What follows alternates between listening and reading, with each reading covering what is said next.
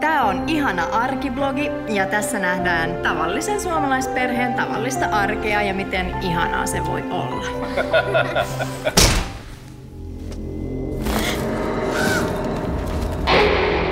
Filmas izšķilšanās fabula ir sekojoša. 12 gadus vecā Tīņa katru dienu izdabā mātei, kas viņu terorizē vingrošanas treniņos. Māte savulaik bijusi veiksmīga daļslidotāja, bet šobrīd populāra influencere, kura dien dienā publicē ideālas ģimenes mirkļus savā blogā jau kā ikdienas dzīve. Kādu nakti pusaudze atrod pavisam savādu olu. To viņa ir gatava aprūpēt līdz šķilšanās mirklim. Tomēr zem čaumalas augošā radība pārsteigs visus. Somu režisores debitantes Hannes Bergholmas filma tapusi sadarbībā ar studiju Mistrus Mēdija.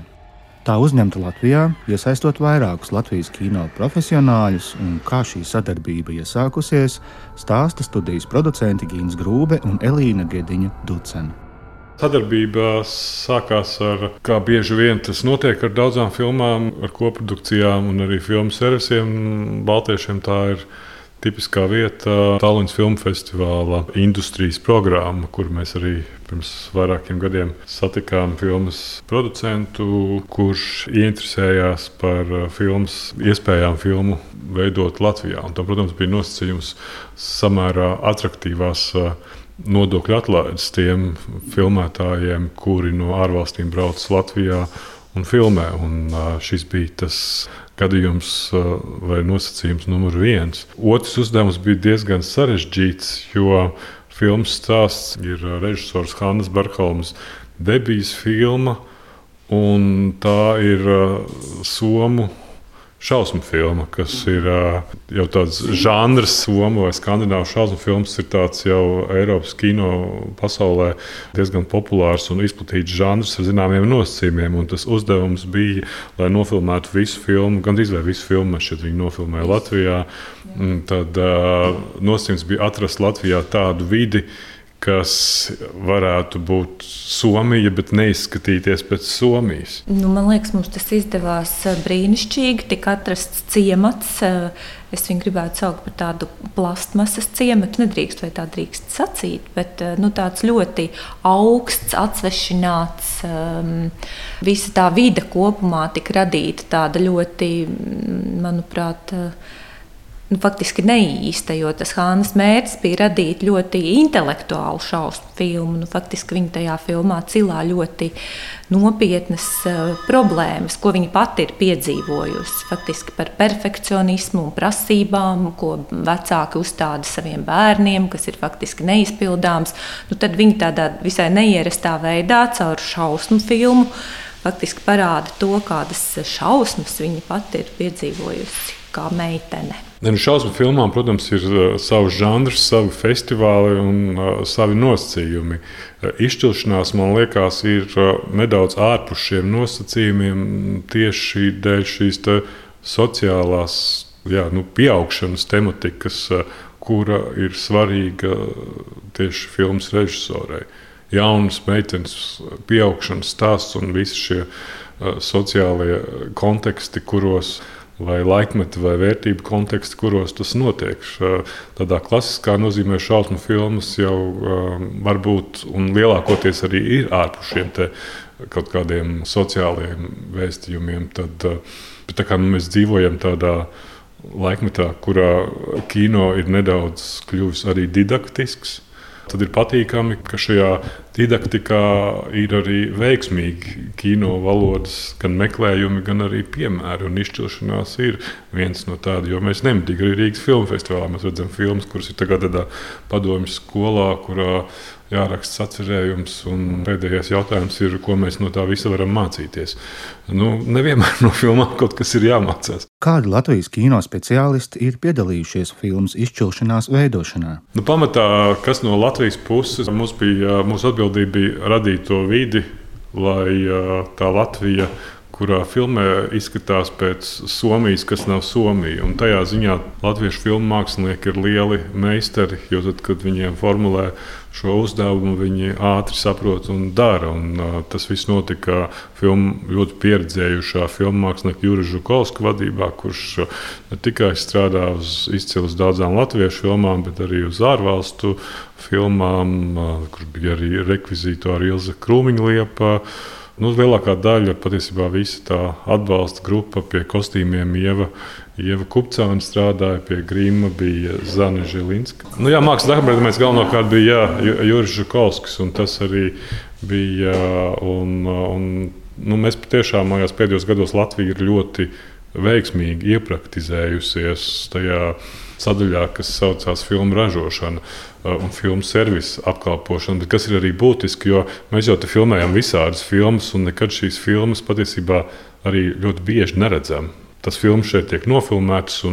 Viņas vai nu nav tādas filmas, kas ceļo pa festivāliem, vai arī domātas kaut kādām straumēšanas platformām ārvalstīs. Tad šis gadījums ar izšķelšanās gan bija nepreisa, tā bija pietiekami liela filma. Tā bija liela debijas filma, kurā jau bija nozīmīga izplatīšanas aģentūra, kā Valda Banča ieguldījusi savus līdzekļus. Un, un diezgan ātri pēc filmas pabeigšanas jau bija skaidrs, ka viņai bija apsolīts, ka viņa nonāks Sandēnas filmu festivālā. Un, nu, debitantām, jaunai režisorei no Somijas nonāks Sandēnas filmu festivālā savu pirmo filmu. Tas ir diezgan liels notikums. Un tā arī notika. Tur visiem ar visu to, ka pa vidu bija pandēmija un filmas rādīt un izplatīt bija sarežģīti, bet, bet ar izšķelšanos notika. Un, un tāpēc arī diezgan likumsakarīgi, ka, ka filma ir iekļauta Rīgas filmu festivāla programmā, kurā ļoti spēcīgs skandināvu kino vienmēr bijis šī festivāla sadaļa un seja. Un ir prieks, ka Rīgā uz Rīgu arī atbrauks filmas režisori un producents no radošās grupas, un ka skatītāji varēs ieraudzīt Somiju, kur ir Latvija, bet izskatās pēc dīvainas Somijas. Turpinājumā stāsts par vēl vienu debiju, kura šovakar pirmo reizi satiks savus skatītājus ilgadēja fotogrāfa un nesenāk jaunā Rīgas teātra aktiera Toma Harjo režisētā spēļu filma Sēklis. Ko jums patīk darīt brīvajā laikā? Es guļu. Ļoti patīk gulēt. Jā. Karsti, ne? Tieši tā patīk. Šovasar Pāvilostā uzņemtā filma iepazīstina ar trijām mūsu laiku attiecību dekonstrukcijām, kuras operātora Jāņa Šēnberga kamerai izspēlēja 20 gadnieku paudzē piederīgie aktieri Jānis Grūtups, Agate Krista, Marta Lovisa, Matīs Ozols, Sapīna Tīkmane un arī pats režisors. Katram no pāriem piešķirta viņus raksturojoša krāsa. Sarkanais pāris, izvēlas pēdējās trīs kopdzīves dienās spēlēt saticības teātri, tikmēr zaļā pāri trīs dienas ir pilnas neziņas un trīsu, gaidot, kad tie viens otram atklāsies. Zeltenais pāris, divi kolēģi, maldīsies dienesta romānu žanrā un centīsies viens otrā neiemīlēties. Par darbu pie filmas stāsta Toms Harjo, iesākot ar atšķirības iezīmēšanu starp foto un kino mākslām. Fotogrāfijā ir tāds, tas ir tāds solo piedzīvojums. Ar to es arī sāku, kur tas rezultāts ir atkarīgs tikai un vienīgi no tevis paša, no tavas disciplinētības, no tava intelekta un enerģijas. Šis ir kaut kas jauns. Tiešām es nekad neesmu strādājis ar savu komandu. Es nekad neesmu veidojis komandu savam projektam. Un tas, kas mani saviņoja, es pēc tam filmēšanas dienām Pāvilos, mums bija tātad desmit filmēšanas dienas komanda, tātad manis noklāpta komanda, dzīvoja vienu vietu, praktiski vienā mājā. Un pēc tam desmit dienām, jau pirms desmitās dienas, bija sajūta tāda, ka uh, mēs ar mani operatoru braucām uz filmēšanu ar velosipēdiem. Nu, tas viss notika tur viet, uz vietas, un mēs tā saprotam, ka šis pēc divām dienām beigsies. Un ir tā sajūta, ka jā, nejauši sanāca uztaisīt tādu mazu oāzi, mazu paradīzi vasaras vidū, kur tā komanda kaut kā strādāja kā pulkstenis, tā bija ļoti maza, tā bija ļoti mobila. Visiem bija sajūta, ka tas bija ļoti svarīgs projekts. Tā skaitā, piemēram, arī operatoram, kuram šī bija tāda pirmā nopietnā filmas spēļu filma, kur viņš ir galvenā kamera. Līdz ar to viņam arī savā ziņā tā ir tāda nopietna debija, kur viņš strādā ar aktieriem. Un, un tas tie lielākie svētki bija tas, ka izdevās dabūt to komandu uz tāda, jā, nu, tā, tā banāli izsakoties uz viena viļņa tajā visā. Ir kaut kad izdevies kaut kādu fotoprojektu uztaisīt, piemēram, izstādi. Tur, protams, arī ir iesaistīti vēl cilvēki, bet tas jau vairāk tikai tajā beigu posmā, kad tā izstāde tiek iekārtota un ārpēc kā mēs visi tur sadarbojāmies tās divas dienas, lai to izstādi uztaisītu. Šeit bija citi mērogi. Vita Liberte piedāvāja man pavadīt kaut kādu daļu vasaras Pāvilostas mākslinieku rezidencē, Pēra. Viņa teica, ka es varu uzaicināt varbūt kaut kādus kursabiedrus, un mēs varam uztaisīt kaut kādu dzīslu vakaru, kādu etīdi bāvelostniekiem. Nu, mēs varam tur dzīvot, un apmaiņā pret to, ka mēs varam dzīvot, mēs kaut kādu māksliņu uztaisām. Un es par to domāju, un tad tā kā tāds zibens spēriens ienāca prātā ideja, ka mēs taču varētu nofilmēt filmu. Un es atceros, es sēdēju jaunā Rīgas teātrī Grīmētavā, un apmēram 16.20 tas bija. Un tā vienkārši tā kā, tā kā klikšķis ienāca prātā tāda ideja. Mēs varētu nofilmēt filmu. Un kādu bija doma, ka nē, mēs, mēs vienkārši varam kādu operatoru, cilvēku ar kameru paņemt, nu skaņu un kaut kādu, nu, kaut kā improvizēt kaut ko un kaut kā tā.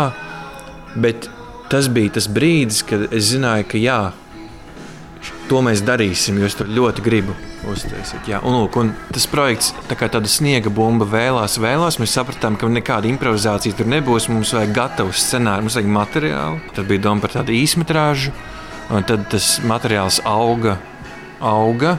Tad jau bija saprotams, ka ir runa par filmetrāžu jau. Un uh, jau arī sākām meklēt to papildu finansējumu. To arī izdevās piesaistīt. Bija sajūta, ka mēs pabeidzam šos četrus gadus kā aktieru mākslā, kā studenti. Mums, mēs būsim tieši absolvējuši mūsu skolu, kultūras akadēmiju, kā aktieri. Nu, kas var būt vēl brīnišķīgāks diplomu darbs?